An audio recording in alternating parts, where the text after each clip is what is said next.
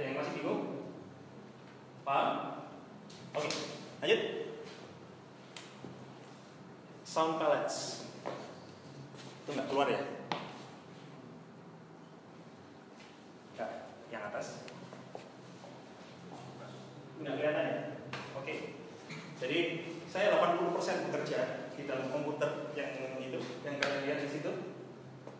Saya uh, mungkin bukan 80, 95% saya bekerja di laptop ini. Nggak kelihatan ya? Saya bekerja di laptop ini. Apakah harus Apple? Enggak, sekali lagi enggak. Kalau kalian memulai dari buku sinar dunia pun enggak masalah. Asalnya menemukan koneksi yang Sidu. Nah, tapi uh, kenapa kok saya pakai Apple? Uh, karena saya bukan orang kaya yang bisa maintenance setiap waktu. Jadi Apple ini bukan punyanya orang kaya, enggak. Itu punyanya orang menengah. Sekali lagi punyanya orang menengah. Karena komposer sekelas Hollywood itu pasti pakai Windows. Mostly, mostly pakai Windows. At least kalau misalnya softwarenya Apple, pasti ada salah satu yang mesinnya pakai Windows. Kalian tidak bisa. Jadi karena Windows itu customizable, terus habis itu perangkat-perangkatnya bisa ditukar kalau misalnya kalian ingin yang mati powerful dan lain sebagainya. Tapi at least pasti ada Windows. Dan saya tidak punya kemewahan itu. Nah, Apple ini en uh, enaknya adalah maintenance friendly. Jadi saya nggak perlu takut tentang uh, melambat dan lain sebagainya. Oke, saya 95% mengerjakan menggunakan itu. Jadi uh, mau kalian mendengar orkestra yang isinya 120 orang, dadadang dang dadadang dang dadadang dang dadadang Hans Zimmer itu semuanya pakai komputer. Zaman sekarang pakai komputer. Saya selalu encourage teman-teman musisi, entah yang berumur, entah yang baru mulai, kalian paling nggak harus belajar software meskipun sedikit. At least kalian bisa rekam. Karena kalau misalnya kalian bekerja di musik, kalau kalian hanya menjadi player, kalian hanya akan survive di satu bidang itu. Tapi suatu saat kalian membutuhkan, mau nggak mau kalian nggak akan bisa menghindar dari konteks digital. Dan nggak susah. Trust me. Kalau kalian mau bekerja, kalian tinggal datang ke studioku, kalian lihat proses bekerjaku, nggak susah. Serius, nggak susah. Asal kalian komitin. Oke? Okay? Oh enggak, aku bukan les-lesan. Kalian mau datang mau lihat nggak apa-apa. Terus aku bekerja juga mesti kalau misalnya yang uh, project yang membutuhkan konsep orkestral ya kan, misalnya Eager, uh, Wonderful Indonesia, terus yang terakhir Bukalapak sama Avanza. Orang-orang sempat nanya, lo kamu rekaman orkestra di studio mana? Berapa itu gitu? Terus per orangnya prosesinya berapa nanti? Kamu per jam kena berapa uh, untuk untuk violinnya sama cellistnya sama dan lain sebagainya? Yo, guyu lah. Software musik bacakan aku. Jadi semuanya itu aku mengerjakan ada di komputer sama aku nggak bawa ada satu hard disk.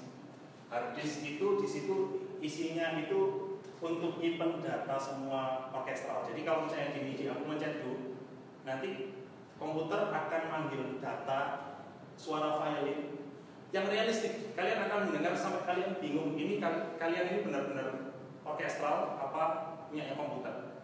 Saking realistiknya. Aku tunjukin salah satu project ya.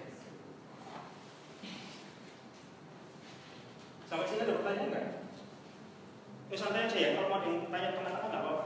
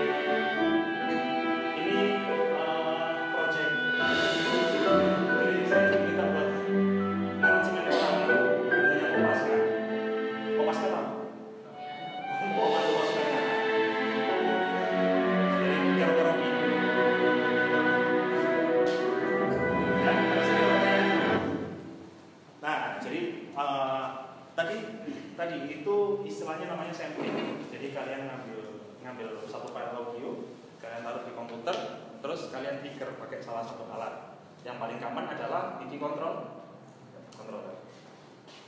Itu namanya sampling.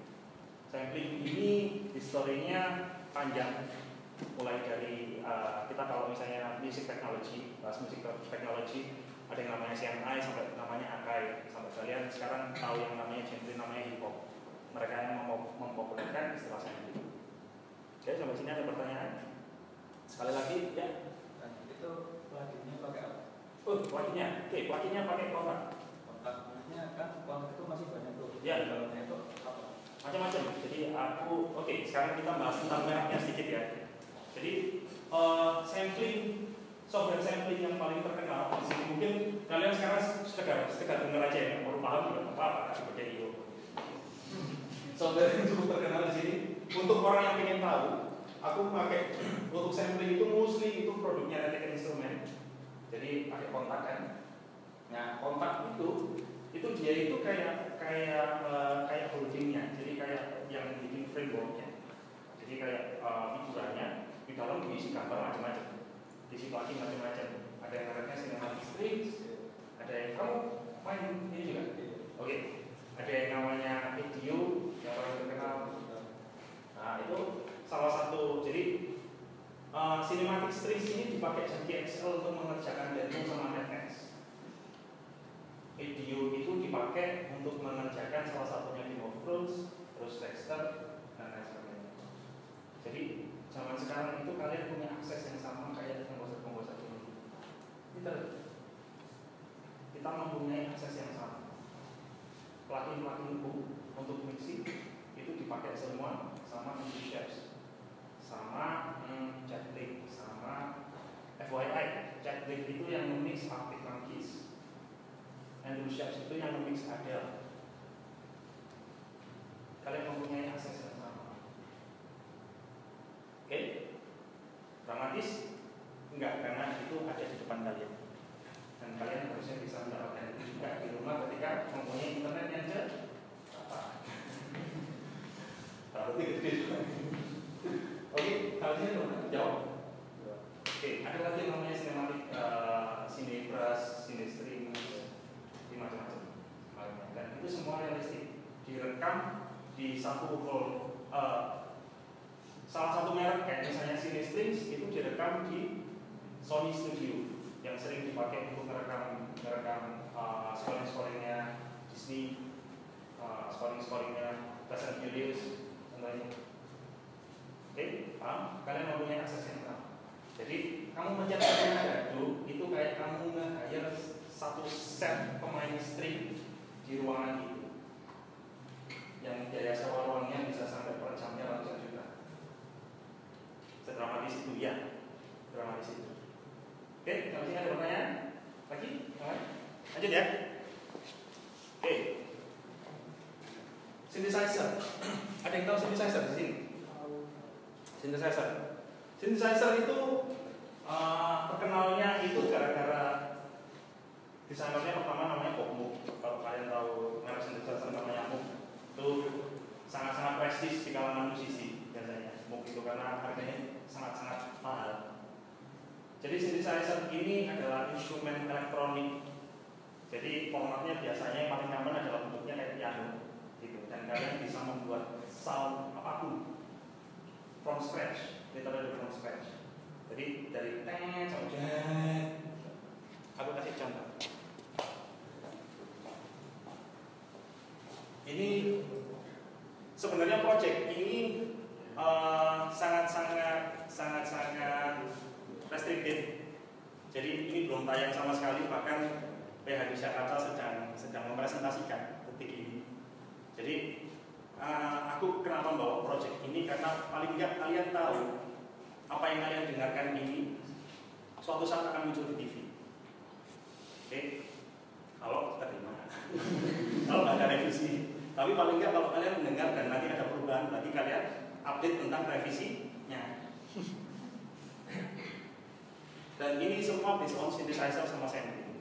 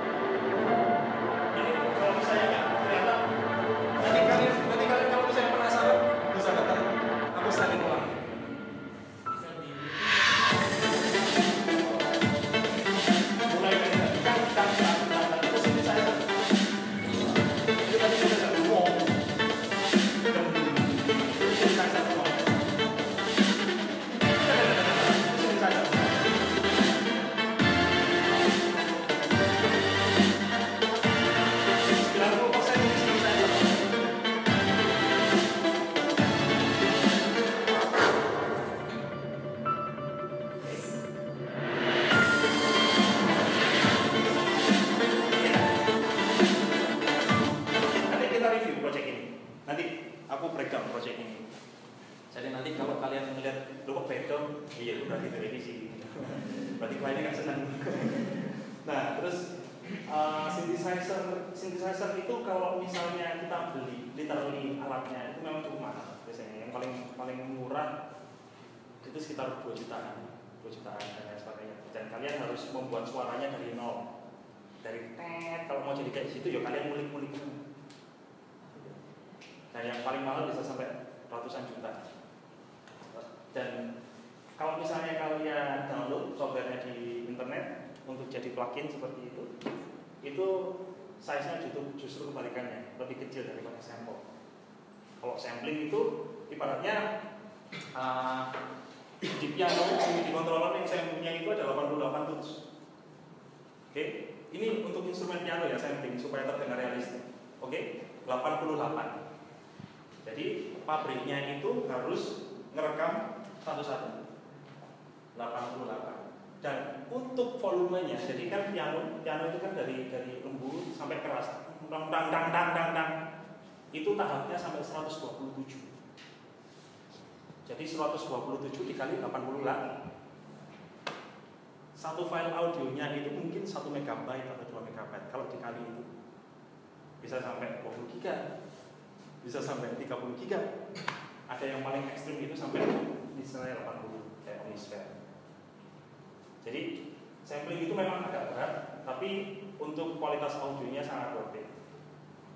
Sangat worth it. Jadi kalian sekali bikin musik asal melodinya atau temanya yang tadi kita bahas temanya bagus kalian harusnya bersaing sekelas sama Dirianto Pian HP Jackie XL Haji Bruno Mars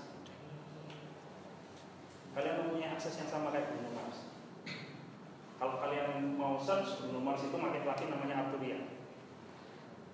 Oke kalau sini ada pertanyaan? Lanjut ya. Oke. Nomor lima. Ini poin yang sampai sekarang pun aku belajar. Oke. Okay. Feel it first. If it moves you, it moves people. Kalau kamu bikin sesuatu dan ngefek di kamu, harusnya itu ngefek buat orang lain. Kalau kamu mendengarkan musikmu dan ikir produk narsis ya, tapi kalau misalnya kamu mendengarkan musikmu sampai merinding, harusnya di orang lain itu juga merinding. Karena itu adalah bagian saraf yang tidak bisa kamu bohongi. Oke? Kalau misalnya kamu masih belum merasakan sesuatu dari hasil karyamu itu, tinggal buat baru dari nol. Itu kenapa uh, aku bisa mengerjakan musik selama 4 jam, aku bisa mengerjakan musik selama satu hari, aku bisa mengerjakan musik selama dua hari. Bukan karena aku ahli, tapi karena setiap hari muridku itu ini. Jadi harusnya aku hafal apa yang aku lakukan. Dan orang-orang tidak tahu tentang apa yang aku lakukan, jadi kalau cula, Jadi uh, di luar sana mungkin di depan klien aku nonton memperlihatkan kayak seakan-akan ini struggle yang luar biasa, tapi dengan jurus tujuh mengongkang-ongkang, guyon. Karena setiap hari aku melakukan ini. Oke, lanjut ya. Oke. Kalau kalian beranggapan yang tadi itu keren, kalau kalian tadi yang beranggapan yang uh, kalian dengarkan itu keren, aku tunjukin versi yang pertamanya. Ini adalah versi yang kedua. Versi yang akhirnya diukur sama klien untuk tahap awal. Versi awalnya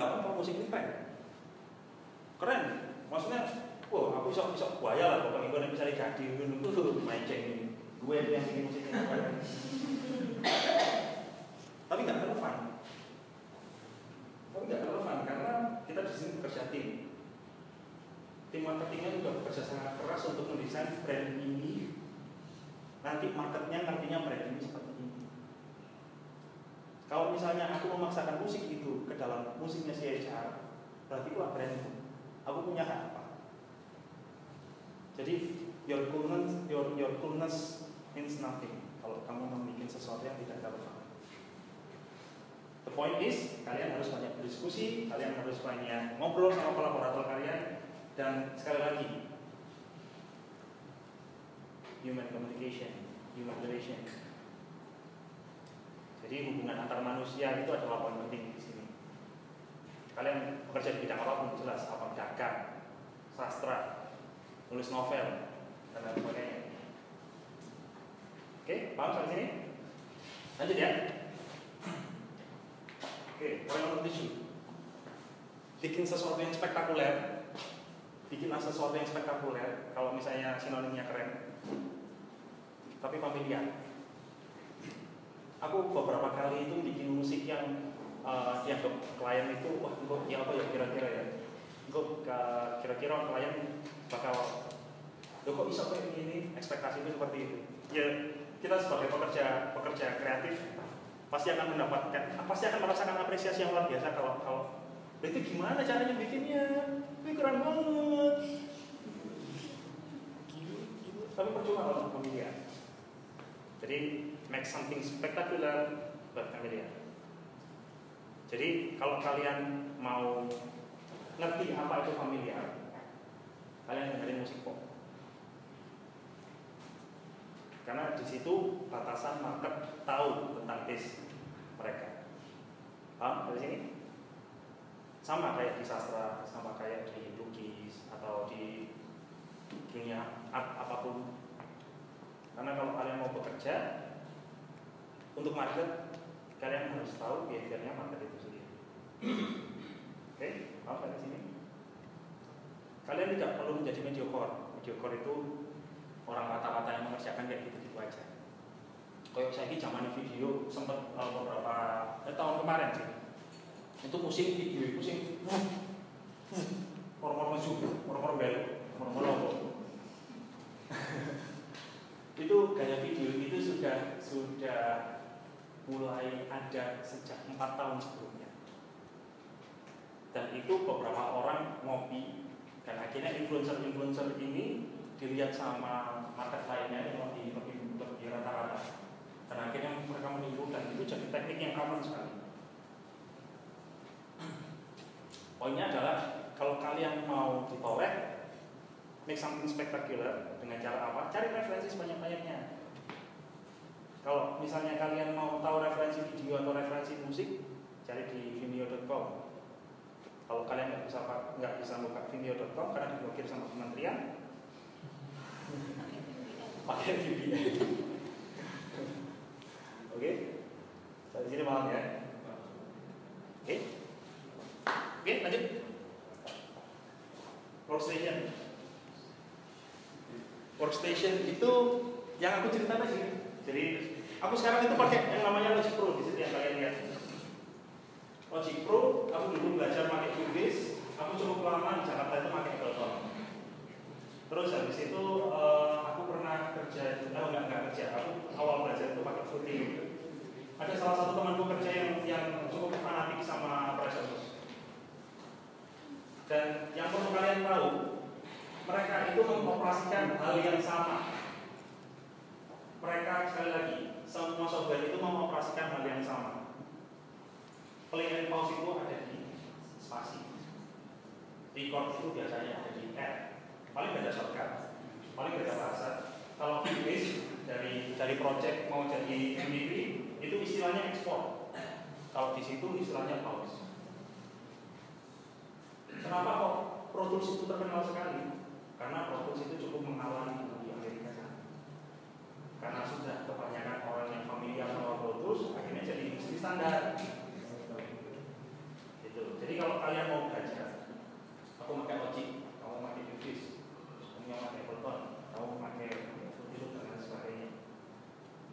kalau butuh pensil pensiunan temporal aja nggak apa-apa nggak penting dari oke paham dari sini ya.